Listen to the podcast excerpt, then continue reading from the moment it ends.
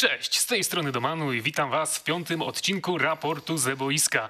Dzisiaj nasze studio wygląda troszeczkę inaczej, bo nasi starsi koledzy dziennikarze wywieźli wszystkie najważniejsze elementy, które tutaj były do Arłamowa, żeby tam przeprowadzić jakąś imprezę sylwestrową czy coś w tym stylu. Mniejsza z tym, nas to nie rusza, my zostajemy z Wami i będziemy dzisiaj przeprowadzać dla Was kolejny bardzo interesujący odcinek. No i właśnie, to co widzieliście przed chwilą ze mną jest tutaj tylko Krzysztof Mr. Kogito Lenarczyk. Cześć, witajcie. Ale my zaraz będziemy mieli łączenie na Skype'ie z pewnym bardzo interesującym gościem, rzeźnikiem kartomanii, piłkarzem ekstraklasy, kimś, kto już zapisał się w historii naszej, naszej piłki nożnej pomimo e, bardzo młodego wieku. Natomiast e, jeżeli chodzi o to wyszukanie tego piłkarza, my nie patrzyliśmy tak naprawdę na aspekty te czysto piłkarskie umiejętności w rzeczywistości, a przede wszystkim szukaliśmy piłkarza w ekstraklasie, który jest bardzo dobry w FIFA, który FIFA jest nawet lepszy od nas i porozmawiamy z nim o tym, jak on łączy życie profesjonalnego piłkarza z graniem właśnie w grę od EA. Natomiast, no będąc jeszcze tak na wstępie w tym klimacie takim świąteczno-noworocznym, Krzysztofie, ja ciebie chciałem zapytać o pewną rzecz, bo e, za mną od kilku dni chodzi po głowie e, temat pewnego Portugalczyka. Ja nie miałem okazji spotkać nigdy Paulo Souzy, ale pamiętam, że Krzysztof To- miał to- okazję, to- to- miał okazję zamienić z Paulo Souzą kilka słówek, gdzieś tam go spotkał na jakimś evencie, już nie pamiętam dobrze, gdzie to było. W Opolenicy przed Opole- I, pa- e, I pamiętam, Europy. że Krzysztof wtedy, jak rozmawialiśmy chyba telefonicznie, nie na żywo, powiedział do mnie, że to w ogóle inna mentalność, jaki to jest człowiek, to w ogóle, no wiecie, western style, positive thinking, no niesamowita osoba, zupełnie inne podejście niż tutaj tych naszych Polaków. No, bardzo był Krzysztof oczarowany, no i co Krzysztofie, czyżbyś był właśnie może nie oczarowany, tylko otumaniony tym spotkaniem? Czyżby portugalski książę ciebie też troszeczkę okręcił, jednak y, miałeś złe wrażenie na jego temat? No musisz tak kurczę tutaj podgryzać, natomiast e, fakt jest jeden, miałem wielką przyjemność poznać Paulo Souzę, zresztą jak innych też reprezentantów Polski podczas e, zgrupowania w Opalenicy przed wyjazdem na Mistrzostwa Europy, bo tam odbywał się turniej FIFA e, zorganizowany przez Polski Związek Piłki Nożnej. Brali w nim udział niemalże wszyscy reprezentanci z Robertem Lewandowskim włącznie. Zresztą e, to było takie duże wydarzenie, bo, bo jakby głównym komentatorem wydarzenia był Dariusz Szpakowski, ja byłem współkomentatorem, no i była to wielka przyjemność i też taka wielka nobilitacja dla mnie. Natomiast kończąc wątek Paulo Souzy, E, No tak, zrobiło to na mnie wrażenie, nie będę ukrywać. Też dziwne to trochę było dla mnie, że tak przyszedł do tego pomieszczenia, gdzie to się wszystko odbywało, jakby zainteresował się tym, co tam się dzieje, że budujemy atmosferę jakby przed turniejem i tak dalej, jakby pozytywnie o tym samym przedsięwzięciu się wypowiadał i ogólnie też było to dla mnie takie zaskakujące, bo, bo powiedziałem do niego dzień dobry, czy, czy jakoś tak, nie pamiętam, to było po angielsku, a on do mnie po prostu e, powiedział cześć i przywitał się ręka w rękę, jakbyśmy się znali ze 40 lat. Także no generalnie chyba też byłem trochę zaczarowany Paulo Souzą, no ale kto tak naprawdę w Polsce nie był.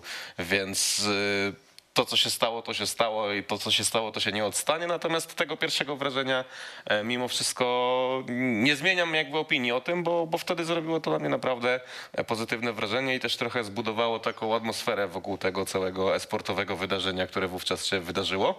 Natomiast kończąc wątek Sylwestra, bo tak sprytnie to wszystko zacząłeś, no to my, jak, e, jak, to, jak to prawda gracze, będziemy w Sylwestra grali w grę. No jedni, wygląda. jedni grają w Tomb Raider, a my będziemy grali w FIFA. Ciekawe, czy w FIFA będzie grał też Kacper Tobiasz. No niestety FIFA nas tak chyba otumaniła troszeczkę jak selekcjoner mm, naszych reprezentantów i cały kraj. No ale właśnie, jeżeli jesteśmy jeszcze na wstępie, chciałem się ciebie zapytać o jeszcze jedną rzecz. O której ja akurat nie chcę za bardzo rozmawiać. No mamy właśnie za sobą pierwszy tydzień z nowym, y, przebudowanym nieco Food Champions. No jak tam się grało? Jak tam wyniki? Jak wrażenia? Jak, y, jak emocje ogólnie? No, Szczerze powiedziawszy, emocje były gdzieś podkręcone. Co mam na myśli, to znaczy gdzieś była taka, takie dążenie do rangi. W sensie chciałem tych zwycięstw e, mieć jak najwięcej. Zresztą streamowałem całą rozgrywkę na Twitchu u siebie. Celowałem w 16, bo tak gdzieś bym stawiał swój poziom na ten moment, jeżeli chodzi o grę. E, Nie udało mi się tego wbić. Skończyłem na 14-5. Co ciekawe, grałem z profesjonalnym graczem e, tureckiego Sivasporu, który gra w wirtualne kluby, a nie w futa na co dzień. Natomiast skład miał najlepszy w grze z Ronaldo Nazario i, i ten mecz wygrałem. Natomiast później przegrałem mecz z nieco słabszym graczem i, i to sprawiło, że już nie miałem szans na 16 zwycięstw. Natomiast yy, cały Foot Champions wyglądało tak jak zawsze tak naprawdę. Dostałem jedno zwycięstwo za darmo, ktoś sobie strzelił samobuja i tyle. Wszystkie mecze na, na styku, większość meczów y, tak jak zawsze w moim wykonaniu wygrana w dogrywce albo w karnych, więc y, nie czułem, żeby coś się zmieniło. Ani na plus, ani na minus to było dokładnie takie same Food Champions jak zawsze. Natomiast widziałem na Twitterze, a propos tej naszej dyskusji w zeszłym tygodniu, że o wiele więcej osób do tego Food Champions się dostało po raz pierwszy od dawna i też po prostu zyskali możliwość rywalizacji. I z tej perspektywy to bardzo dobrze. No tak, ale no muszę przyznać niestety, że jeżeli chodzi o te wyniki moje, to również to się zakończyło na 14-5, z czego, z czego nie jestem y, zbyt zadowolony, ale może też miało na to wpływ, że z racji na ten cały takie, na to zamieszanie y, przedświąteczne i świąteczne mm, rozegrałem całe Food Champions ciągiem 20 meczów z rzędu, czego ja nigdy nie czynię, bo z reguły jak ja siadam do FIFA, to gram maksymalnie 4-5 meczów, robię przerwę, później wchodzę na świeżo i gram od nowa, a tutaj jak już grałem te mecze, jedne z ostatnich, to mi się zdarzyło wstyd przyznać, dwa razy przegrać mecz, który wygrywałem 3 do 0. Czy ty może też miałeś taką Tak, przygodę? tak. Zdarzyło mi się kilka razy wracać z wyniku 0 do 2, a czasami zdarzyło mi się przegrać mecz prowadząc 3 do 0 i trochę nie wiem z czego to wynika. No niektórzy, tak, tak jak mówił Czesław Michniewicz kiedyś, że 2 do 0 to najniebezpieczniejszy wynik. W FIFA chyba też tak jest, bo wjeżdża do głowy takie przeświadczenie, że, że mamy już tego rywala, że nie musimy się starać, że będziemy bronić do końca. On na przykład włączy pressing, zdobędzie bramkę e, kontaktową i nagle się okazuje, że jak e, w świecie FIFA mówi się o tym, że ktoś nam robi dojazd, e, jeżeli tak mocno presuje mm, nas jako, jako gracza.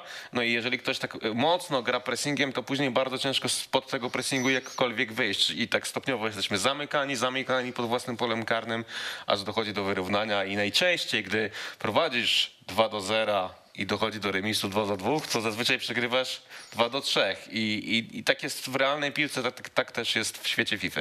No, to już to wyciągasz takie wnioski, że no FIFA odzorowuje niemalże prawdziwy futbol, no ale nic. No to wychodzi na to, że Paulo Sousa miał rację, że mentalność jest tutaj najważniejsza, prawda? No i dlatego przez to, że on ma inną, to stąd tak szybko ucieka. nie no, zostawmy ten temat. Jeszcze tylko jedna kwestia. Jeżeli chodzi o to wychodzenie, tak jak do tej pory, nawet jeżeli nie rozgrywałem całego Food Champions, tylko gdzieś tam 12-14 meczów, to co najmniej trzy osoby udawały mi walkover. Tak teraz y, na tych 19 meczów miałem tylko jeden, y, jeden samobój strzelony przez mojego przeciwnika i wyjścia. Więc tutaj chyba jednak coś się troszeczkę zmieniło, co raczej możemy odbierać jako plus. No ale nic, y, zostawiamy ten temat wstępu. Przechodzimy już do naszego gościa, który mam nadzieję nas słyszy i my już ciebie widzimy. Kacper Tobiasz, bramkarz Również Legii. Warszawa, który jest jednym z najmłodszych bramkarzy w historii Ekstraklasy, o który obronił rzut karny w meczu przeciwko Lechowi Poznań. Miałeś wtedy 18 lat i 347 dni. Natomiast my ciebie dzisiaj nie będziemy tutaj męczyć za bardzo. Jeżeli chodzi o twoje y, te wyczyny, osiągnięcia w rzeczywistości, my porozmawiamy o tym, jak grasz w FIFA, bo w FIFA, no, z tego co tutaj widzimy, tak, że jesteś lepszy od nas dwóch. Jeszcze taka, y, jeszcze taka kwestia, jeżeli chodzi mm, o wprowadzenie. Kaspra nie ma tutaj z nami, ponieważ restrykcje ekstraklasy na to nie pozwalają. E, Zawodnicy są bardzo chronieni. Była obawa, że mógłby się tutaj od nas zarazić wiadomym wirusem i dlatego no, nie ma pozwolenia nie od klubu, tylko po prostu odgórnie od ekstraklasy na przyjście do nas do studia, więc proszę nie mieć pretensji, nie pisać jakichś głupich komentarzy, które się zdarzają, że no jak to siedzi w Warszawie, mu się nie chciało przyjechać, to chyba nie traktuje nas poważnie. Nie, to nie ma Tak. nic, nie ma nic do rzeczy. Słuchaj, pierwsze pytanie, jakie mam do ciebie.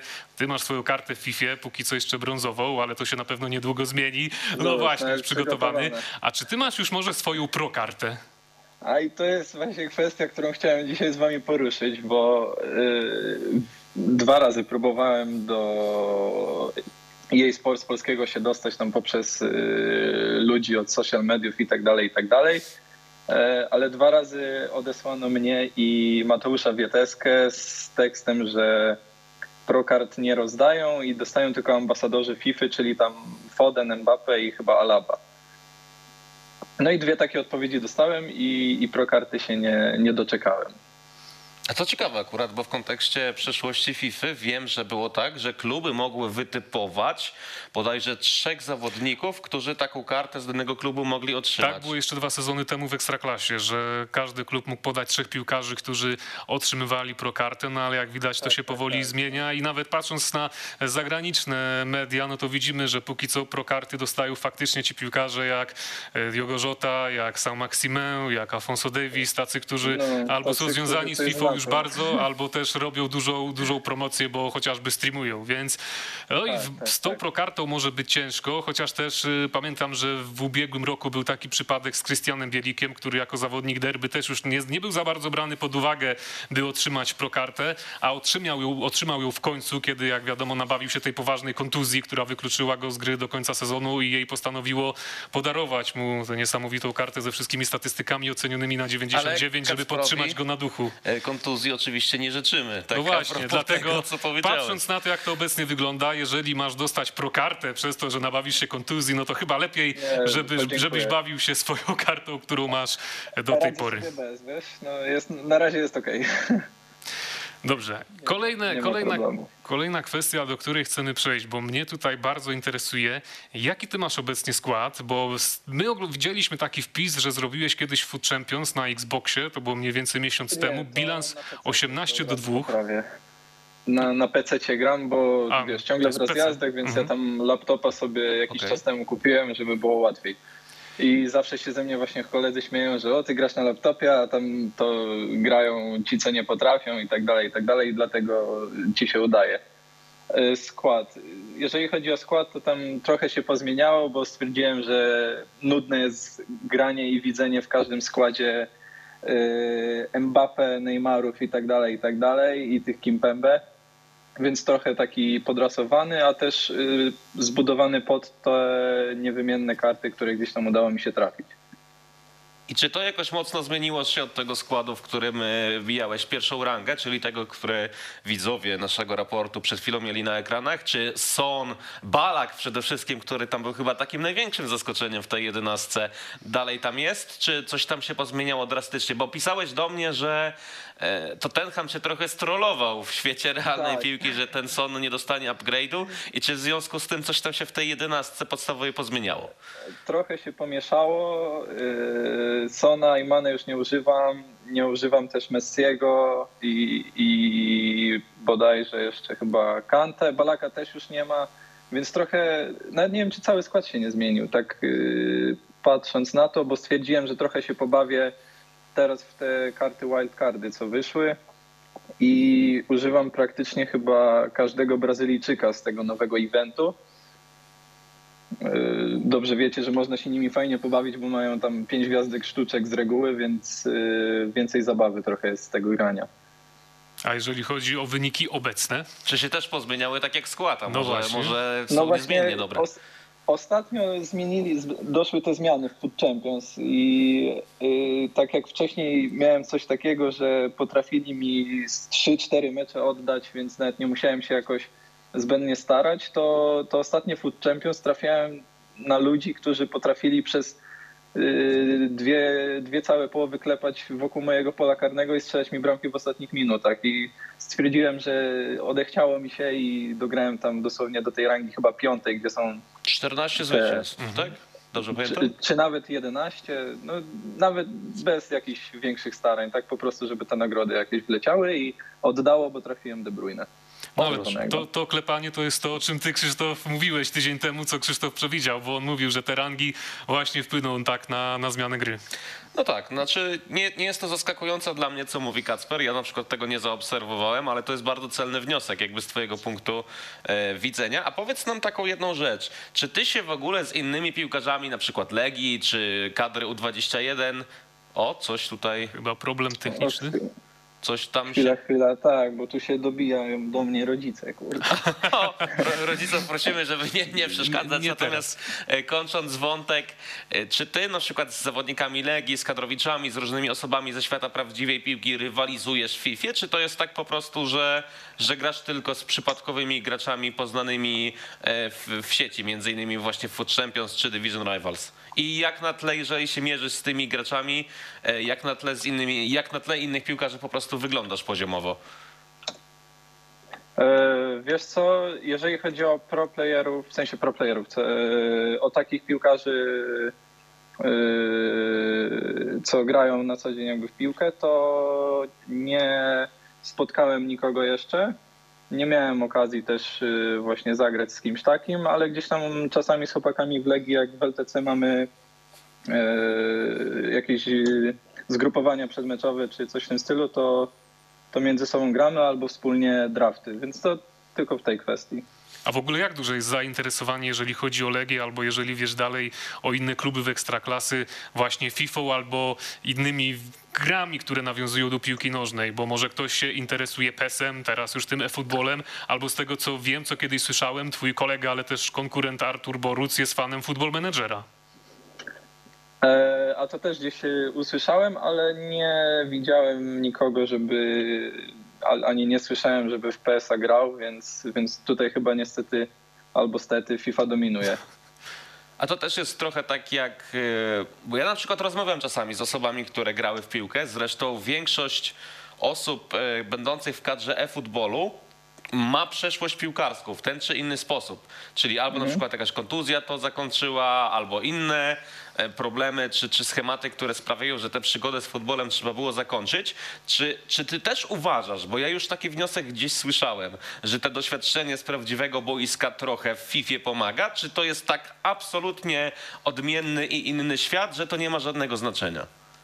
Znaczy wiesz, to, to jest śmieszna sytuacja, bo w sumie są takie pewne zachowania, które przez to, że trenerzy przez ten całą twoją karierę gdzieś tam te taktyczne zagrania i tak dalej stosowali, to ty tak mówisz, a spróbuję sobie to w FIFA, a potem się okazuje, że to jest dość skuteczne i w FIFA i, i na boisku. A możesz podać Więc- przykład takiego zagrania? Tak, ja, ja na przykład stosuję coś takiego jak włoska sztuczka i to pewnie będzie ze mnie y, śmiane potem, bo y, jak był u nas trener Michniewicz, to bardzo często to trenowaliśmy i stosowaliśmy. Ale w FIFA to działa tak, że zagrywasz do bocznego obrońcy, no, gdzie, gdziekolwiek, do kogokolwiek, kto jest na boku przy linii, potem zagrywasz podanie do środka i jeden z twoich zawodników automatycznie, nie wiadomo skąd, nieważne jakie ma wytyczne, wbiega za plecy obrońcom, po czym grasz y, wysoką piłkę prostopadłą i on tak naprawdę wychodzi sam na sam za każdym razem. To jest może bardzo cenny element, może jakiś schemat, który nawet podłapią od ciebie progracze w Polsce, bo, bo e, ja chyba aż tak mocno tej włoskiej sztuczki na tych wirtualnych murawach nie oglądałem, ale skoro mówisz, że działa, to może gdzieś tam spróbuję, a może nawet sam nie nauczy się, jak gdzieś tam będzie taka okazja, bo do czego nawiązuję i dlaczego o tym mówię. Dominik wspomniał na start, że ty prawdopodobnie poziomowo jesteś teraz lepszy od nas w grze FIFA. Czy z tym jakby w ogóle wnioskiem się jesteś w stanie zgodzić? Bo sam gdzieś tam żartobliwie mówisz o sobie, że jesteś lepszy niż Diogo Jota, a wspomnijmy, Diogo Jota jest jednym z najlepszych graczy na świecie, jeżeli chodzi o FIFA w tym momencie. To to było w formie żartu tam, bo to dosłownie y, ta informacja o tym, że gram w FIFA i tam zdobywam powiedzmy te wyższe rangi Food Champions, y, dosłownie po tym jak on sam wbił te 20-0, czy tam musiał wyjść y, z meczu eliminacyjnego przed meczem Southampton, w którym potem strzelił dwie bramki. Y, nie, no nie wydaje mi się, no skoro chłop już wiesz, tak gra bardziej profesjonalnie, to myślę, że bez podjazdu, ale ja to tak bardziej staram się wyciągać, żeby się cieszyć grą i się wyluzować, niż żeby tryhardować i, i się tutaj niepotrzebnie denerwować. Bardzo tutaj używasz tak dużo słów z naszej nomenklatury, Tak. tryhardować i tak dalej. Bardzo mi się to podoba. Widać, że żyjesz tym y, światem. Natomiast jedna ważna rzecz. Jak wbiłeś te 18-2, tą pierwszą rangę w y, FIFA, bardzo dużo zaczęło się o tobie mówić w tym świecie wirtualnym. Jesteś też członkiem Rzeźników Kartomanii, czyli grupy e, Dominika, największej grupy FIFA w Polsce. Tam e, w mnóstwo postów było, gdzie cię oznaczano, pojawiały się screeny, e, także chociażby po meczu z, z Lechem Poznań. Ciebie jakby ta popularność uderzyła podwójnie, to znaczy e, raz, że świetne mecze w Ekstraklasie, chociażby przeciwko Lechowi w ten wspomniany obroniony karny. No niestety mecz przegrany, natomiast te wrażenie także na kibicach Legii przede wszystkim zrobiłeś, ale w tym świecie wirtualnym po te 18-2, bo widziałem na przykład na bardzo wiele komentarzy odpisywałeś i, i jak to jest? Zmierzyłeś się jakby z tym wszystkim? Wiesz co, ja to bym bardzo chciał w ogóle móc wszystkim odpisać i tak dalej, bo pamiętam jak kiedyś ja jakby byłem tym, którzy, y, który chciał, żeby to właśnie y, ci więksi od niego w cudzysłowie mówię popularnością y, też zwracali uwagę w sensie takim, że o tutaj przybić piątkę, to autograf i tak dalej. Wiem, jak bardzo to kręci ludzi, więc staram się jakby każdemu gdzieś tam odpisywać. Niestety to nie jest możliwe, ale dostaję dość dużo wiadomości, a powiadomień to już w ogóle. A czy nie było tak też, że troszeczkę się na ciebie y, wylał hejt właśnie, że ty bardziej się poświęcasz grze w FIFA niż y, grze w rzeczywistości? Bo widzieliśmy takie komentarze w Widzieliśmy. sieci, chociażby na zaprzyjaźnionym nam trochę profilu, prawda, e, FIFA, że, że na przykład dlatego jesteś trzecim bramkarzem Legii, bo za dużo grasz, co jest absurda, absurdalnym argumentem i tam nawet brałem udział w tej dyskusji, jakby mówiąc, że, że co, to Diogo Jota też jakby gra i, i co, też jest jakby nie jest trzecim bramkarzem Legii i tak dalej. Czy, czy ten hejt też się gdzieś pojawił w związku z tym osiągnięciem, który, właściwie z tymi osiągnięciami, których dokonałeś? Ale Wiesz co, to nawet jestem zdziwiony, bo nie spodziewałem się, ale to, to, nie wiem, no już y, nie zabierajmy sobie jakby przyjemności z bycia człowiekiem. No, to, że jestem piłkarzem, to nie znaczy, że w wolnym czasie nie mogę sobie usiąść do komputera i pograć. No, tak samo jak y, każdy inny, czy niezależnie od tego, czy y, pracuję tu, czy, czy tu. No, to trochę dziwne dla mnie, więc tak nie wiem, jak to skomentować. No. Ale to bardzo ładnie to powiedziałeś, nie zabierajmy sobie przyjemności bycia człowiekiem. Natomiast jeszcze tak, jedna taka kwestia techniczna. Czy ty albo inni twoi koledzy piłkarze, którzy tak dużo gra, gracie w FIFA, nie martwicie się troszeczkę, że to może wam zabrać e, zdrowie? No bo e, my z Krzysztofem jesteśmy troszeczkę starsi od ciebie, już nam trochę bliżej do trzydziestki niż do dwudziestki, ale jak my byliśmy nastolatkami, no to my często słyszeliśmy takie teksty już w ogóle nie pod względem kariery sportowej, tylko czysto zdrowotnej, że maksymalnie 30 minut dziel- dziennie można siedzieć przed komputerem, Prostuj grać, plecy. prostuj plecy, bo jak będziesz za długo siedzieć, to wzrok ci się zniszczy, będziesz chory, w ogóle skończysz dwudziestkę ledwo, to już na wózku wylądujesz i będziesz ślepy praktycznie. No i czy jednak, wiesz, czy ty się nie martwisz, że tak grając dużo w Food Champions, no bo zagrać nawet te 20 meczów e, tygodniowo, to, to jest coś, samo Food Champions, no plus oczywiście kwalifikacje. Czy ty się nie martwisz, że to może jakoś negatywnie wpłynąć na twoje zdrowie, chociażby na wzrok, który na twojej pozycji jest tak bardzo ważny? E, Wiesz co? Nie, no jak się zdrowo jakby pamięta o tym, że to tak samo jak ludzie siedzący przed komputerami, powiedzmy pracujący w korporacjach i tak dalej, no to oni są tak samo albo nawet bardziej narażeni na to, bo też ciągle patrzą w ten ekran, no i jakby nic wielkiego też im się nie dzieje. Wiadomo, że są tam jakieś zalecenia, że na tam godzinę grania powinno się robić 15 minut przerwy, no to powiedzmy, że to się gdzieś stosuje, no bo też nie, nie, nie da rady człowiek wysiedzieć w jednym miejscu przez y, nie wiadomo ile czasu. Czy dla ciebie jako kibica Legii, bo sporo można o tym w sieci przeczytać, że jesteś wielkim fanem, że tata zabierał cię na mecze, że ta pasja do Legii jakby wzięła się od twojego taty, to jest taka dodatkowa motywacja, że zadebiutowałeś, że, że pojawiły się te występy. Jak to w ogóle jest zagrać w klubie, w którym w sercu nosi się od dziecka? No to pewnie nie zdziwię was, jak powiem, że to jest spełnienie gdzieś tam marzenia, no bo wiadomo, że każdy w Polsce wie, jakim klubem jest Legia i każdy gdzieś tam y, związany z piłką, gdzie ktoś kiedyś trenował, to sobie myślał, że kurde, fajnie by było w tej Legii zagrać, no nie? Więc y, ja nie uważam, że to jest już koniec świata, tylko właśnie uważam, że to jest y, dopiero początek i traktuję to bardziej jako motywację do dalszego działania, aniżeli do, do takiego bycia y, nad wyraz dumnym i tak dalej. A powiedz mi, śledzisz rozgrywki esportowe? Wiesz, jak sobie radzi Legia Esports chociażby w, tym świecie wirtualnej rozrywki? E, Dla przypomnienia zdobywca e-Pucharu Polski indywidualnie Ekstraklasa Games i także drużynowo w zeszłym sezonie e, za, za sprawą e, przede wszystkim Gracjana Polako-Gołębiewskiego, który tę Ekstraklasę indywidualnie wygrał, ale także Miłosza 9-3 Bogdanowskiego, czterokrotnego mistrza Polski, który Legię reprezentuje. Interesujesz się trochę światem e-sportu, oglądasz streamerów, czy, czy po prostu jesteś już tak zajęty e, prawdziwym futbolem, także takim rywalizowaniem na wirtualnej murawie, że nie masz na to czasu? Nie, wiesz co, to nie jest tak, że nie mam czasu, ale też na pewno nie mam go aż tyle, żeby wiedzieć o tym wszystko.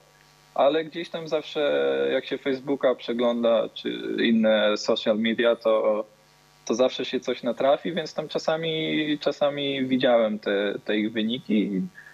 Fajnie by było się z nimi zmierzyć, ale wiem, że to nie ta półka. No, myślę, że można by się było spróbować. Też tak uważam. Powiedz mi jeszcze taką jedną rzecz, czy myślisz, że. A bo w ogóle, co w ogóle myślisz o e-sporcie jako o zjawisku? Czy z Twojej perspektywy jest to coś dobrego, szkodliwego, czy jesteś neutralny? I e, jeżeli popatrzysz na na przykład swoich starszych kolegów, chociażby na Thibaut Courtois, to oni już mają swoje organizacje Formułę, nie? sportowe albo mają swoje udziały. Czy ty jesteś kompletnie zainteresowany wejściem w ten świat, czy to jest kompletnie nie twoja półka? Wiesz co, ja kiedyś e, sobie tak powiedziałem, że jak mi w piłce nie wyjdzie, to idę w sport, bo to jest rzecz, która się ciągle rozwija, e, rzecz, która jest e, dla wielu ludzi czymś nowym, fajnym i, i to jest jakby teraz modne, więc to jest opłacalne i, i tak dalej. Fajnie by było, Yy, bo, no bo to jest jednak jakaś taka inwestycja, no i jakby te pieniądze ciągle rosną i rosną, no ale to, to jest wiadoma sprawa. Yy, Ale pytasz konkretnie o FIFA, czy masz też yy, na myśli inne?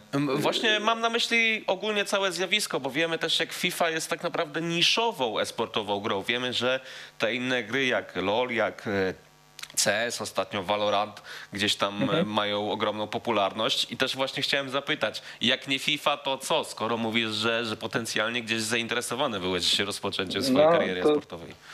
Te, te trzy, co wymieniłeś, no to też czasami sobie pogram, głównie w Valoranta, no bo to jest nowa gierka, to gdzieś tam bardziej się chce w to grać. Czasami jeszcze Rocket League i tak naprawdę to wszystko z tego, co gram. A myślałeś jeszcze o, o, albo czy w ogóle myślałeś i o założeniu organizacji, czy to jest kompletnie taki etap, gdzie, gdzie jest jeszcze za wcześnie na takie przemyślenia?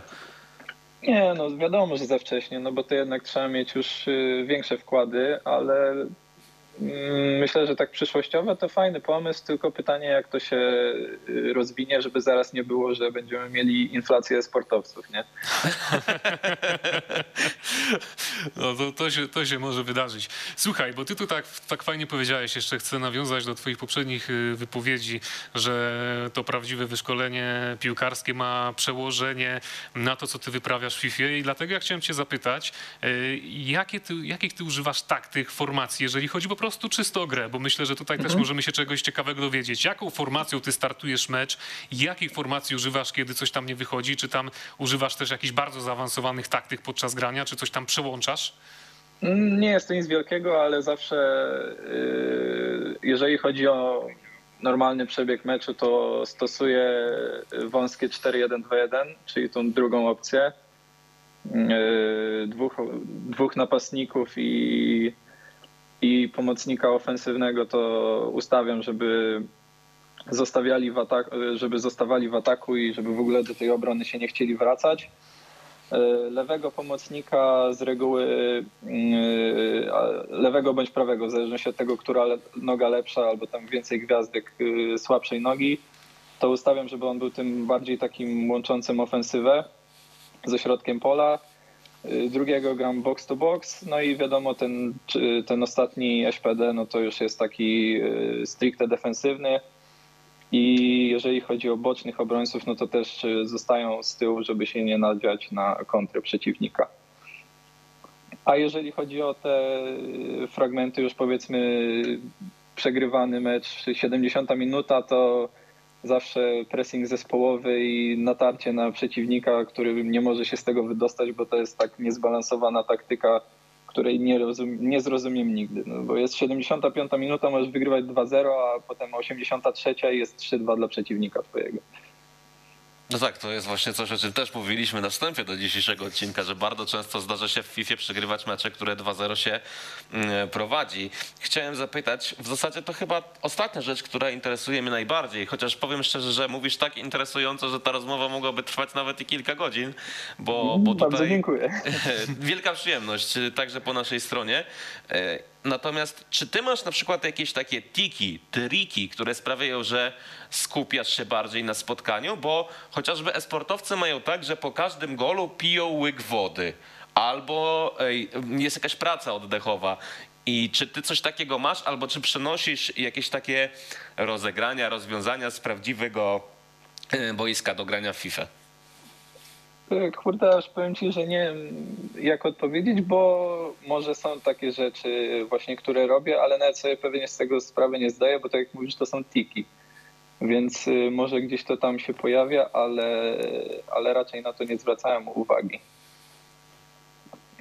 No to w, sumie spodziewałem się, że tutaj sprzedasz nam coś ekstra, co ewentualnie właśnie. można by było wnieść do gry. Znaczy tak staram się teraz o tym pomyśleć, to nie, raczej nie. Chociaż y, mam takie tiki, że jak dostaję bęcki jakieś, to muszę zatrzymać grę i na 10 sekund przed końcem jakby takiej pauzy wznawiam, bo mam z tyłu głowy takie coś, że to nagle da mi handicap i, i kopa jakiegoś mentalnego moim zawodnikom. A no widzisz, czyli jednak się coś znalazło, bo ja Ale też... to nie na ile to jest wiarygodne. no, A, a wierzysz w handicap, skoro jakby No przy, jesteśmy przy tym temacie? Bo to jest taka teoria spiskowa w świecie FIFA, która funkcjonuje już od dawien dawna tak Od naprawdę, dawien od dawna, kiedy no jest FIFA chyba Ultimate od Team. 11 lat gdzieś. I, I każdy gdzieś tam mówi, albo czasami jest tak, że, że gracze zganiają e, swoje porażki na to, że, że gra ich oszukuje, że się źle wczytało, że jest handicap. Jak ty ze swojej perspektywy to widzisz? I, I to jest bardzo fajne pytanie i odpowiem, że tak, wierzę w handicap, tak samo jak wierzę w to, że otwierając paczki za FIFA Pointsy traficie lepsze rzeczy niż otwierając paczki za końce.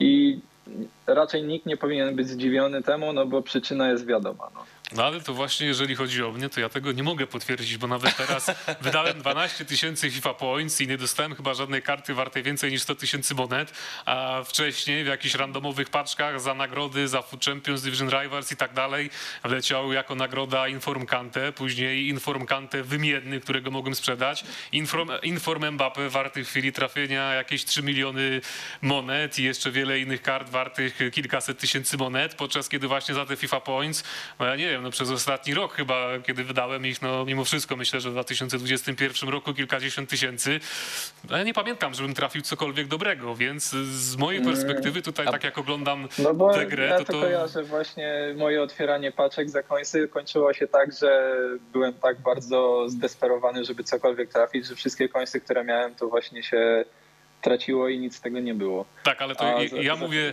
mówię akurat o tych paczkach, które się dostaje za nagrody SBC i tak dalej, bo jeżeli chodzi A, o no to paczki, te paczki za monety, to tam to faktycznie za monety to No, ja nie No widziałem, to żeby mówię właśnie o paczkach trafił. za monety, Mhm. ale paczki właśnie za SBC, za zadania i tak dalej są paradoksalnie o wiele lepsze, mimo tego, że są yy, powiedzmy tam niewymienne. No właśnie to, to, że są niewymienne też mam wrażenie, że sprawia, że one są, yy, że lepsze rzeczy można trafić. No, Tak. Ja się Jak- akurat z tym zgodzę, bo te paczki- niewymienne zazwyczaj... paczki wymienne, to nie trafiam nic, po czym otwieram niewymienną i mam w drużynie Messiego, Kante i tak dalej i ich nie używam, bo, bo nie mam jak, nie? Bo nawet się nie mieszczą na ławkę czasami, jeżeli chodzi o tych No, zawodników, no, no, których no. już się tak I później. potem, I potem strasznie boli przepalać ich w jakiś tam SBC typu Gold Upgrade, bo po prostu już nie mogę paczek otwierać, bo mam duplikaty. Nie? No też trochę widać to, jak jest ten okres toty i jak FIFA się zazwyczaj kończy i wtedy ta trafialność tych overali 8.5, 8.6, 8.7 i w górę tych dobrych kart jest bardzo, bardzo wysoka. Chociażby widać to w tych, tych ratingach przy otwieraniu paczek, które się, się pojawiają, bo jest do tego dostęp. A teraz na przykład trafienie karty powyżej 86 overali, no nie jest tak częsta jak, jak będzie już chociażby w maju, więc no to są takie detale, takie teorie, które zawsze się pojawiają, z którymi ja się akurat przychylam. Chociaż to też jest trochę tak, bo to też jest teoria spiskowa, że i jej podkręca No, no, no. drop, i jej obniża drop, że niektórzy mają podkręcone tak, tak. konta, No. albo na przykład... E, Z jednej strony teoria No spiskowa, z właśnie, drugiej no strony tak właśnie. jak ja od FIFA 10 gram, no to widzę, że są konkretne godziny, gdzie na przykład w środę o 19, ja nie pamiętam, żebym ktokolwiek coś trafił, a tych paczek tam było tworzonych już multum za myślę setki tysięcy FIFA points, a z kolei jakiś randomowy inny dzień i noc z czwartku na piątek i randomowa paczka, a tam coś ciekawego, wartego może nawet kilkaset tysięcy monet, więc no z jednej strony teorie spiskowe, z drugiej strony jak coś oglądasz już od 11 lat praktycznie z roku na rok, sezonu na sezon i widzisz pewne schematy, które się potwierdzają, no to trudno to już nazywać cały czas teorią, bo to po prostu się dzieje na twoich oczach, prawda? No tak, natomiast czy jest jeszcze jakaś teoria spiskowa, coś takiego insiderskiego ze świata FIFA, o czym chciałbyś z nami tutaj pogadać? Bo to jest taki czas dla ciebie, żebyś teraz może ty nas tutaj zaczepił, bo wiem też, że rozmawialiśmy chwilę, jesteś po prostu widzem Domanu, oglądałeś go sporo na kanale i, i, i zapytałem cię, pamiętam, czy ty wiesz, kim jest Domanu, a ty odpisałeś mi, no oczywiście, że tak, więc czy jakby chcesz pogadać o czymś ekstra, chcesz nam narzucić jakiś temat podczas tej rozmowy? Nie no, myślę, że każdy, kto w Polsce gra w FIFA, no to wie kim jest yy, Domano, no bo to jednak jest postać pierwszoplanowa, jeżeli chodzi o polską e, scenę e, fifową, no gdzieś tam wszystkie te paczki, otwieranie paczek, granie i tak dalej, i tak dalej, no to wiadomo, że nawet ci, co w FIFA nie grają, to czasem nawet kiedyś e, okiem na to rzucili. No to dziękuję bardzo. Bardzo mi jest miło z tego powodu, bo ja, ja aż tak siebie nie odbieram, no ale zawsze takie słowa są budujące. No wiesz, nie bez powodu masz tyle wyświetleń no, pod filmikami, nie? No trochę się tego zebrało faktycznie przez tych, przez tych y, kilka lat. No dobrze, Kacper, jeżeli nie chcesz już y, niczego z nami poruszać, chyba nie będziemy cię dłużej męczyć, bo tam Nie, nie, widzimy nie też, będę. że rodzice Nie się do ciebie dobijają cały czas. Dzwonią, dzwonią, Dzwonią, świdrują, dzwonią. chyba na święta nie byłeś u nich. Wcześniej dzwonili, bo ten, yy, powiedziałem siostrze, żeby mi do pokoju nie wchodziła, ani do mnie nie dzwoniła, ani nic, mam ważną sprawę. Wyszła z psem, powiedziałem weź klucze. No i właśnie zapomniała kluczy i musiałem jej domofonem otworzyć, ale nie, nie wstawałem, no bo byłem tam w środku rozmowy z wami. Tak to jest niestety. Trzeba się, trzeba się, yy, że tak powiem, uciec od tego chyba, bo najwyższa pora. Dobrze, Kasper, to my cię nie będziemy męczyć. Pozwolimy ci już wrócić do twoich obowiązków. Dzięki ci wielkie, że tutaj z nami e, dzisiaj porozmawiałeś, wystąpiłeś, no bo to nie było takie wcale oczywiste, że będziesz chciał się e, pokazać w świecie FIFA. Jeżeli chcesz coś jeszcze, Krzysztof, No dodać? i oczywiście życzymy dalszych sukcesów, zarówno w świecie tej piłki wirtualnej, co jest dla nas bardzo istotne, ale przede wszystkim też w świecie tym realnym, bo, bo na- ja na przykład usłyszałem taką opinię, że, że masz bardzo duży potencjał. I ja może nie jestem takim specjalistą od futbolu, jak tutaj starsi koledzy, chociażby z kanału sportowego, no ale wierzę, że, że ten potencjał gdzieś tam uda się dzisiaj wyłuskać i wymuskać przede wszystkim, no i tego też jako raport ze boiska tutaj życzymy. No i mamy nadzieję, że nasza społeczność rzeźników kartomanii e, także dalej będzie cię doceniać i wspierać w twoich występach, bo to też jest chyba fajne, tak jak mówiłeś, że tych wiadomości dostajesz naprawdę mnóstwo. No i też oczywiście dziękuję za, za rozmowę i chęć wzięcia udziału w naszym programie, bo tak jak, tak jak Dominik powiedział, to nie do końca było takie oczywiste, a myślę, że wyszło to całkiem fajnie. Także wielkie Ja, dzięki. ja również bardzo Wam dziękuję i też Wam życzę jeszcze większych sukcesów, żeby ten kanał się rozwijał i rozwijał i żeby tego nie było końca. Dziękujemy. żebyśmy wszyscy Dziękujemy się tą bardzo. FIFA cieszyli, a nie martwili. To, z tym to już będzie chyba troszeczkę, troszeczkę trudniej. Dobrze, w każdym razie dziękujemy Kacper. My będziemy Dzięki wracać wielkie. już do tych tematów y, bieżących. No i właśnie, to jest ostatni odcinek w tym roku, tak na dobrą sprawę, piąty odcinek raportu ze boiska, no ale tutaj chyba trzeba zrobić jakieś małe podsumowanie tego, co działo się w 2021 roku. I mam do ciebie takie pytanie. Jeżeli chodzi o najważniejszy event, taki najciekawszy event, który pojawił się na przestrzeni tych ostatnich 12 miesięcy, czy to FIFA 22 czy 21, czy możesz coś wskazać? Bo na przykład ja widziałem wiele takich głosów, że właśnie to, co widzimy teraz, jeżeli chodzi o te dzikie karty, że tak powiem, to jest bardzo udana inicjatywa, że bardzo fajnie, że pojawiły się nowe żetony, tylko tak jak Maciek powiedział, już jest troszeczkę zmęczony szukaniem ich, bo niektóre z nich właśnie pojawiły się teraz chyba nawet w paczkach jakichś. Tak, o to chodziło, żeby chyba trochę zaskoczyć samych graczy tym eventem i wydaje mi się, że to się udało. Zresztą moim zdaniem to jest najlepszy event FIFA 22 do tej pory, chociaż na przykład pod względem kart dużo bardziej podobało mi się Rule Breakers. Natomiast sposób budowania jakby tego eventu, napięcia wokół niego, te mini release, które są bardzo duże, e, sprawiają, że Jestem tym eventem zainteresowany. Zresztą, tak jak w przypadku Kacpra Tobiasza, sporo zawodników z tego eventu w moim składzie wylądowało. I na przykład, o ile on inwestuje w Brazylijczyków, jeżeli chodzi o te wydarzenie, to ja poszedłem we Francuzów. U mnie zagościł Genduzi, u mnie zagościł e, Alessandrini, u mnie zagościł Aouar. To jest już druga drużyna e, Winter Wildcards, która pojawiła się w tym okresie. E, Tutaj ten Genduzi to chyba jest taka karta, która najbardziej się wyróżnia z tej drugiej drużyny, bo to jest karta, którą można wsadzić do każdego składu. To jest karta nie kosztująca za wiele, No raptem 100 tysięcy, a już grałem przeciwko no niemu 160 dzisiaj na przeciwko niemu dwa razy i no nie ukrywam, że troszeczkę się, że tak powiem, umordowałem, bo gość po prostu jest, jest w dobry. mecie. Jest, w mecie. dobry, jego przechwyty są bardzo dobre, w zasadzie mm, no zagrałem nim całe Foot Champions, to, to jakby w starciu chociażby z Hulitem, z Vieirą, z Ronaldo Nazario, Genduzi radzi sobie znakomicie. Później doszły inne karty, jeżeli chodzi o drużynę numer dwa. Tutaj akurat Electronic Arts na oficjalnej grafice nie przedstawiło tej najważniejszej, tej jednej, czyli Zlatana Ibrahimowicza. Z perspektywy jakby całego eventu to jest ktoś, o kim naprawdę warto wspomnieć, bo no niesamowite statystyki to raz, ale też niesamowita cena, panie Dominiku. No i właśnie, skąd to się wzięło? Bo widziałem dużo narzekania, że jak to jest możliwe, że Ibrahimowicz z taką kartą kosztuje 3 miliony monet na wszystkich platformach. Przez długi czas jego nawet nie było w ogóle na PlayStation, a też gracze się bardzo tutaj odnosili do jego karty Flashback FIFA 19, która przecież y, przez kilka miesięcy podbiła całą grę, a wtedy w tym SBC kosztowała ile? 250 tysięcy? No zdecydowanie mniej niż teraz. Tutaj też na co warto zwrócić uwagę i jej w końcu, tak jak mówiłeś tydzień temu, dodało tego Ibrahimowicza znowu jako kartę specjalną. I bardzo dobrze. I my nie wiemy jeszcze, czy to jest po prostu zakopany topór wojenny, czy jej może pokazało, że Ibra, ty sobie gadaj co chcesz, my możemy korzystać ze swojego wizerunku, to teraz wydajemy twoją kartę i będziemy na niej zbijać hajs. Bo jednak ten Ibra, z tego co widziałem na tych y, drużynach wydawanych przez jej, nie pojawił się w pierwszej 11, tylko gdzieś tam został upchnięty na ławkę rezerwowych. Tak, w A i- grafikach go nie ma. no właśnie, a i tak jest najpotężniejszą kartą, która tutaj zniszczyła system, kosztuje 3 miliony. No trudno powiedzieć naprawdę, z czego to się wzięło. Widziałem takie porównania bezpośrednie do Ronaldo Nazario, do Johanna Cruyffa, jeżeli chodzi o statystyki i on ma bazowo bardzo porównywalne. Natomiast Ibra to jest Ibra. Wiadomo, każda karta specjalna Ibry, która ma troszeczkę tempa, zawsze gdzieś od razu mieści się w takiej czołówce kart używalnych w danej grze, szczególnie w tej FIFA, gdzie jeżeli umie się korzystać z dośrodkowań, tak jak na przykład mówił Kacper, y, to te dośrodkowania potrafią być bardzo takie penetrujące, bardzo dobre, no a wiadomo, wzrost Ibry, sztuczki techniczne sprawiają, że ta karta po prostu trafia do mety. I powiem szczerze, to jest pierwsza karta w tej FIFA, która zachęciła mnie do otwierania paczek.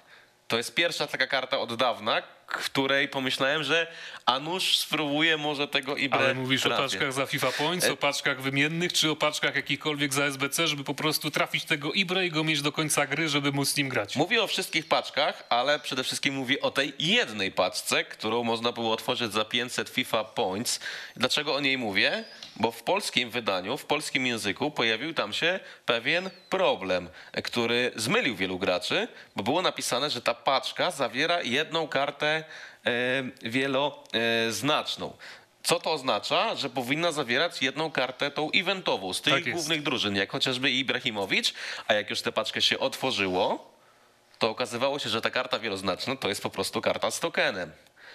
Co wielu graczy na Twitterze oznaczających mnie w dyskusjach zauważyło i to był błąd stricte polskiej wersji e, językowej. To znaczy podejrzewam, że to nie jest błąd, tylko błąd pewnego nazewnictwa, jeżeli chodzi o te karty, bo one po prostu w polskiej wersji nazywają się inaczej niż było to przedstawione w samym wydarzeniu, e, bo w angielskiej wersji taki problem się nie pojawił. Bardzo dobrze, że tacy youtuberzy jak Kozi zresztą zauważyli to, bo w kontekście, w kontekście gdzieś tam wielu, wielu osób, które tę paczkę chciały otwierać, to ich uświadomiło, że tu jednak tej karty eventowej nie ma, natomiast to wciąż e, była paczka warta otworzenia moim zdaniem, no może nie za monety, natomiast 500 FIFA Points to jest naprawdę cena promocyjna jak na to, co, co wewnątrz e, mogło się zawierać lub się zawierało, bo w moim przypadku to był bodajże jakiś inform warty 50 tysięcy i karta Manuela Neuera, e, co podejrzewam nawet jakbym otworzył za monety, wyszedłbym po prostu w tej sytuacji na zero. No więc to ewidentnie tobie się opłacało, ja niestety nie zdążyłem otworzyć tej paczki, natomiast skoro tutaj umówiliśmy już wszystko dookoła, to e, wracając jeszcze do tego mojego podstawowego wątku, do tej pierwszej myśli przewodniej, skoro uważa, że teraz ten event z dzikimi kartami był najlepszy w FIFA 22, to czy uważasz jednocześnie, że to jest najlepszy event, jaki jej wydało w całym roku 2021? Wiesz, jaki ja mam problem? No, nie, nie pamiętam pamiętasz. eventów FIFA 21, już tak jakby wyparłem ją z pamięci. E, Być może dlatego, że miałem dosyć już tej gry, być może dlatego, że skomentowałem bardzo wiele różnych turniejów i, i te karty, ta meta, to mi się wszystko tak przemieszało, więc y, ciężko mi powiedzieć, docenić jakiś event z zeszłorocznej edycji. Natomiast jeżeli chodzi o FIFA 22, to zimowe karty wieloznaczne na ten moment nie mają żadnej konkurencji i szczerze powiedziawszy, z tego miejsca życzę wydawcy gry jak najwięcej takich wydarzeń. No dobrze, to druga kwestia w takim razie, pomijając już eventy, a skupiając się na wszystkich wydarzeniach, które miały miejsce na scenie FIFA, które pojawiły się w 2021 roku, co wskazałbyś za taki największy jakiś punkt, który miał wpływ na grę lub na społeczność, który właśnie tam gdzieś zaiskrzył w tym 2021 roku, który gdzieś się pojawił, bo ja już y, mam z tyłu głowy Ale mam pewną szczery, wpadkę. Tak, no, No, ja też powiem, co mam na jakby myśli. największym problemem, który, o którym pisały światowe media, który przyszedł do mainstreamu, który wpłynął bardzo na społeczność, no to są karty, które prawdopodobnie oczywiście były sprzedawane przez pracowników EA. Na No konta popatrz, czytasz mi w myślach, no ja no to tylko jest zacząłem ciebie pytać, a, nieprawdopodobna historia, która, e, która miała być wyjaśniona, a nie została a nie została wyjaśniona. wyjaśniona. I w ogóle jej nie komentowało jej już od czerwca, nawet chyba gdzieś od tamtego czasu nie pojawił się żaden wpis na temat tej historii ze strony EA. Po prostu sprawa zamyciona pod dywan i nie wiemy dokładnie co, kto, gdzie i kiedy tak, ta, tak naprawdę to wszystko zrobił. No, to jest w ogóle bardzo ciekawe, że tak się to skończyło, jak się skończyło. Ja zresztą pisałem na Twitterze, że jeżeli to się teraz nie wyjaśni, to nie wyjaśni się już nigdy. Mówiliśmy też o tym No FIFA myśmy to przewidzieli na FIFA Talks od razu, kiedy tylko ta afera wyskoczyła. Pierwsze co chyba zaczęli się mówić na tym odcinku, to że to jest y, chwilowy szum, ale za chwilę sprawa zniknie, zostanie zamyciona na dywan i o tym za miesiąc już wszyscy zapomną. No nie jest to przyjemna historia dla wydawcy gry, no ale gdzieś tam z tego, co można się było w kuluarach dowiedzieć, osoby za to odpowiedzialne zostały ukarane, aczkolwiek ostatnio widziałem jakiś wpis związany z tym, że Root Hulit jest sprzedawany powyżej swoich widełek. I jak to się dzieje, że, że na rynku pojawia się Root Hulit powyżej maksymalnej ceny widełek, skoro maksymalna to 3 miliony, a pojawia się za 5. Więc no generalnie coś tutaj znowu nie gra. Czyli co sugerujesz, że EA wystawia karty gdzieś tam na lewo ze swojego konta? Nie czy że sugeruję, da się może- jakiś trik znaleźć, który Może pozwala to jest nam błąd wystawić? Podbina, może to jest jakiś trik, może ktoś coś sprawdził źle na webapie. Nie sugeruję, że to się dzieje. Natomiast y, ta sprawa była bardzo interesująca. Napisałem nawet artykuł na jej temat i e, tam było bodajże 50 tysięcy wejść w ciągu jednego dnia. Tak, to interesowało ludzi także w Polsce. Więc y, to jest aż dziwne, że, że to się skończyło tak, jak się skończyło. I, I to jest taka sytuacja w ogóle nieporównywalna do niczego innego w świecie całego Ultimate Team i to jest też taka sytuacja, która ma bardzo duże konsekwencje w związku z właśnie sprawami licencyjnymi, z nazwą FIFA do samej gry FIFA, z innymi grami futbolowymi, bo wiemy, że UFL powstaje. Dzisiaj na przykład e, dzięki jednemu z użytkowników Twittera widziałem, że także Cristiano Ronaldo jest zainteresowany UFL, natomiast gdy zobaczyłem twarz Romelu Lukaku na tym trailerze, to trochę od tej gry się odwiodłem. Powstaje też Strikers, wiele innych gier i to trochę powstaje na kanwie tej, tej wielkiej wpadki, bo, bo to pokazało, że tego wielkiego giganta gdzieś można podgryzać. No cóż, no, schodzimy na te tematy coraz mniej przyjemne, no ale wracając jeszcze raz do tego wątku, czyli co, uznajemy, że największym wydarzeniem, najbardziej szokującym, tym, który miał największy wpływ na scenę FIFA w 2021 roku było podobno sprzedawanie kart na lewo przez pracowników EA. No tak, to jest jakby temat numer jeden, a temat numer dwa moim zdaniem e, równie skandaliczny. Chociaż co ciekawe, że wybieramy akurat te negatywne e, rzeczy, ale one zawsze bardziej zapadają w pamięć, że było tak, że dwa tygodnie przed mm, playoffami, dwa tygodnie przed zamknięciem sezonu sportowego w FIFA okazało się, że, że te eventy się nie odbędą. One po prostu zostały odwołane. I mistrzem świata został Mo, Mo Aubameyang po raz kolejny, gdzie on ten tytuł zdobył e, już po prostu wcześniej, w, w poprzednich jakby edycjach gry. I w żaden sposób ten tytuł nie może mu, by, być mu odebrany, bo Mistrzostwa Świata się nie, nie zostały rozegrane, a ta pula, która była przeznaczona na nagrody, została rozdana poprzez wszystkich graczy, które tam awansowały. No to jest też sytuacja taka dziwna, wręcz groteskowa, bym powiedział, w kontekście rzeczy, które na scenie sportowej się dzieją, ale to przynajmniej można jakoś obronić ze względów zdrowotnych. No tak, bo podobne rzeczy też się działy w prawdziwym sporcie, no ale tak jak wspomniałeś, te złe rzeczy zapadają w pamięć bardziej niż dobre, no ale jeżeli mielibyśmy powiedzieć o jednej najlepszej, dobrej rzeczy właśnie, która miała miejsce na scenie FIFA i nie będzie to zbiórka ekipy fantazy, tylko coś bardziej związanego czysto technicznie z grą, to czy masz coś w ogóle na myśli, co się wydarzyło w 2021 roku? Robert Lewandowski Toty i Damian Nacugajewski w top 8 e, regionalnego pucharu online numer 2 albo numer 1. Nie do końca już pamiętam, który to był numer, natomiast to była taka sytuacja, że trochę ten esport fifowski w Polsce mocno odżył i, i wiele osób chciało po prostu Damianowi dorównać, a nawet mu dokopać, co sprawiało, że ten poziom całej sceny tak mocno szedł do góry e, w tym okresie, kiedy Damian, no powiedzmy szczerze, też troszeczkę za te wysokie miejsce w tym turnieju zarobił.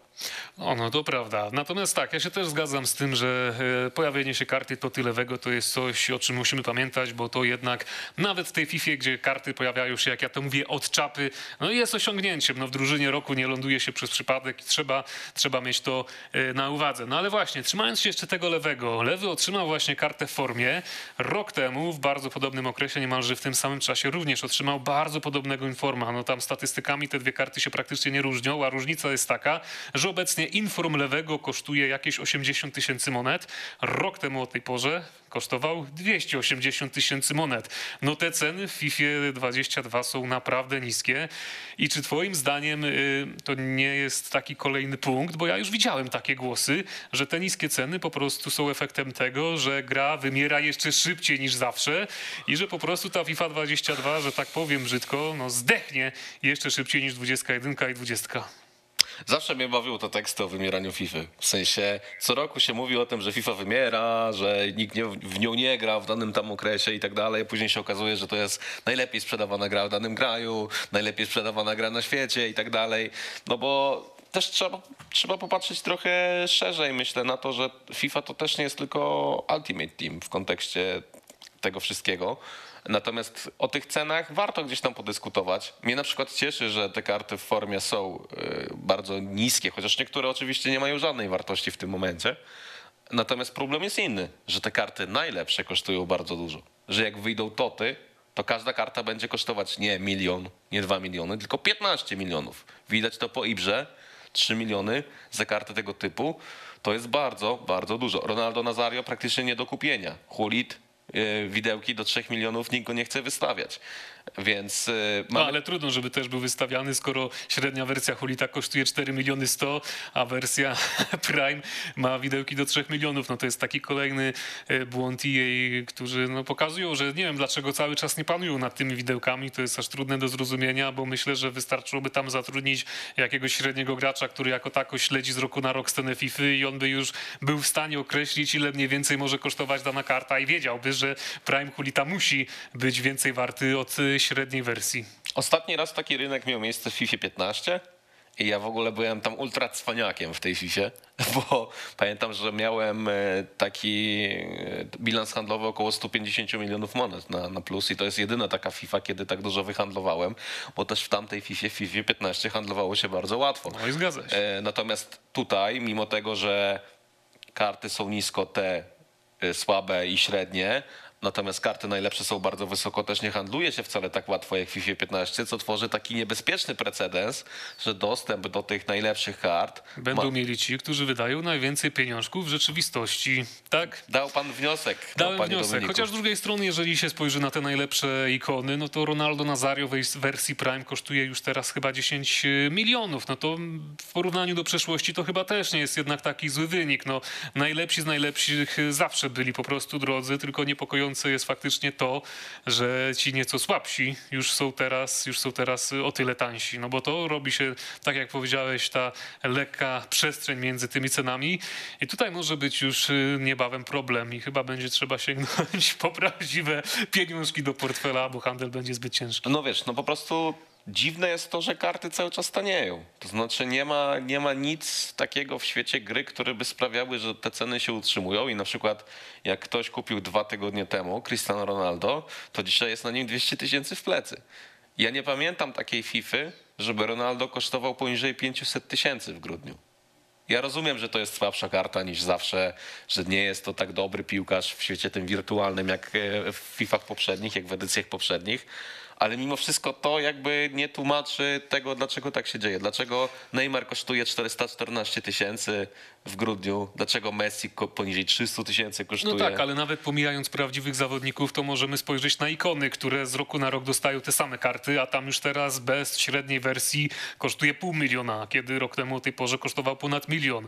Balak w średniej wersji kosztuje chyba 350 tysięcy monet. Hulit Baby, który kosztował milion, teraz kosztuje jakieś też 500, może 50, 500 tysięcy monet. No praktycznie wszystkie takie średnie grywalne ikony no, chodzą za takie grosze, że no, no aż trudno się oprzeć. No, chce się tym grać, tylko jest y, to, co wspomniałeś na uwadze, że jeżeli ja sobie kupię takiego besta za 550 tysięcy i nim pogram przez tydzień, to przez ten tydzień nie będzie ani jednego momentu, jak chociażby wydanie nagród za Food Champions w tym samym czasie, które by jakoś tam wpłynęły na rynek, że ceny by spadły, potem by się podniosły. Tylko ten kupiony przeze mnie best czy hulit, on cały czas będzie taniec. Każdy dzień spędzony w moim klubie będzie oznaczać, że on będzie mieć niższą cenę jeżeli ja nim trochę pogram, to no muszę się pogodzić z tym, że sprzedam go taniej. No i tak w sumie ciężko mi coś dodać, bo jakby wniosek mamy identyczny. Pytanie tylko, jak to będzie wpływać na całą grę. W sensie, czy to jest pozytywny jednak proces, czy negatywny. Będziemy mogli to ocenić dopiero jak będą karty toty, jak ta trafialność tych najlepszych kart będzie bardzo wysoka. E, No ale tak jak mówię teraz, mi na przykład z perspektywy gracza wbijąc, wbijającego jednak wysokie rangi w Food Champions, gdzieś tam, ciężko jest dogonić osoby, które po prostu ładują pońcy i otwierają paczki w dużej liczbie. No bo chociażby grając na tego wspomnianego na początku odcinka pro playera z Turcji, przez to, ja prowadziłem w tym meczu 3 do 0, ale przez to, że on miał Garincze, Ronaldo Nazario i wszystkie najlepsze karty, za chwilę było 3-3 i mordęga, żeby ten mecz wygrać, bo po prostu karty w tej najwyższym tojerze, w tej największej mecie są tak dobre w FIFA 22, że ciężko po prostu je zatrzymać kimkolwiek innym. I, i, no mi się akurat to nie podoba, no ale z drugiej strony może tak ma być. Ty na przykład zawsze mówiłeś o tym, że chcesz, żeby Ronaldo Nazario i inni to były elitarne karty dla najlepszych. Zgadza się, chcę, żeby to były elitarne karty dla najlepszych, ale ja też chcę, żeby najlepsi handlarze mogli łatwo je zdobyć w miarę, jeżeli chodzi o poziom ich umiejętności handlowania. A teraz, jeżeli chodzi o ten handel, no to aż tak łatwo nie jest. No i tutaj wygląda po prostu na to, że EA chce zrobić taki rozdział między tymi topowymi graczami, a tymi nieco słabszymi, że musisz się po prostu pogodzić, że nie będziesz mieć dostępu do tych najlepszych kart bez wydawania y, realnych pieniędzy, a z tymi średnimi dojdziesz do pewnego poziomu, zakładając tam Food Champions, będziesz robić rangi maksymalnie y, 15 czy 16 winów do 4-5 porażek i musisz się z tym pogodzić, że albo tak zostanie, albo jeżeli chcesz gdzieś tam dojść wyżej do tego najwyższego topu, no to musisz wydać pieniążki, żeby ulepszyć swój skład i wziąć te najlepsze karty y, w mecie gry. No po prostu, no może być taki y, wprowadzony przez EA, co ma na celu przynieść im po prostu jak największe zyski. To jest realne i chyba tak to wygląda. No ale po to też jest ta gra, żeby przynosiła zyski, więc to jest w ogóle wniosek taki, że no po co się tworzy jakiś produkt, e, jeżeli jest się wielką korporacją, żeby na nim zarabiać. No i to jest też jak najbardziej zrozumiałe, dlatego ja tutaj w żaden sposób wydawcy gry nie ganię za tę politykę, która prowadzi, bo, bo z ich perspektywy jest ona doskonała. I chyba o to w tym wszystkim chodzi, tak?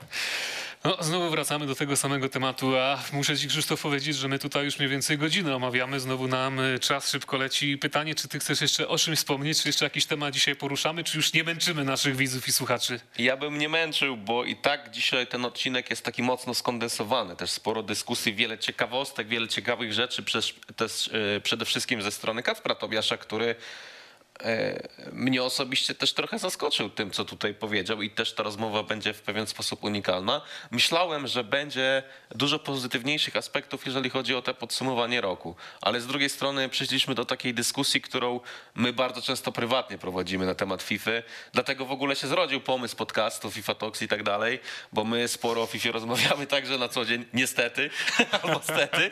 I, i jakby okazało się, że ktoś tam chce tego słuchać, że, że tego da się słuchać i tak to połączyliśmy, więc y, nie wiem, czy jest sens dalej marudzić. Może taki jest wniosek. Nie marudźmy już Nie, i nie marudźmy, bo chyba show. właśnie tak jak podczas naszej dyskusji tutaj samo to z siebie wyszło, my mamy znowu więcej negatywnych rzeczy do omawiania niż pozytywnych, a jesteśmy jednak cały czas w tym pozytywnym okresie świąteczno-noworocznym, dlatego będziemy powoli kończyć i na zakończenie przypominam o hashtagu Talks i waszych propozycjach tematów do dyskusji. Cały czas czekamy na ciekawe jakieś pomysły, które nam posuniecie, bo jeżeli chodzi o przeszłość, o to, co dawaliście nam mm, pod y, komentarz, w komentarzach pod podcastem FIFA Talks, no to tam były prawdziwe perełki. Tutaj cały czas na te najlepsze teksty czekamy, no ale mam nadzieję, że się doczekamy niebawem je No i omówimy. wtedy wyświetlimy je na ekranie, pokażemy Oczywiście. wasz nick, pokażemy jakby wasze personalia.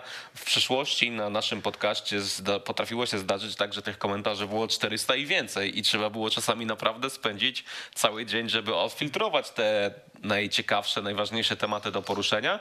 Dlatego liczymy, że teraz też mocno zagłębicie się w temat e, fifowskiego świata i trochę nam tutaj posugerujecie tematy, które chcielibyście usłyszeć. A na zakończenie pozostaje nam życzyć Wam jeszcze szczęśliwego nowego roku, który e, właśnie tak jak rozmawialiśmy, będzie pewnie nieco już mniej spędzony przy FIFA 22. Na dziś to tyle. Do usłyszenia wkrótce. Cześć. Cześć.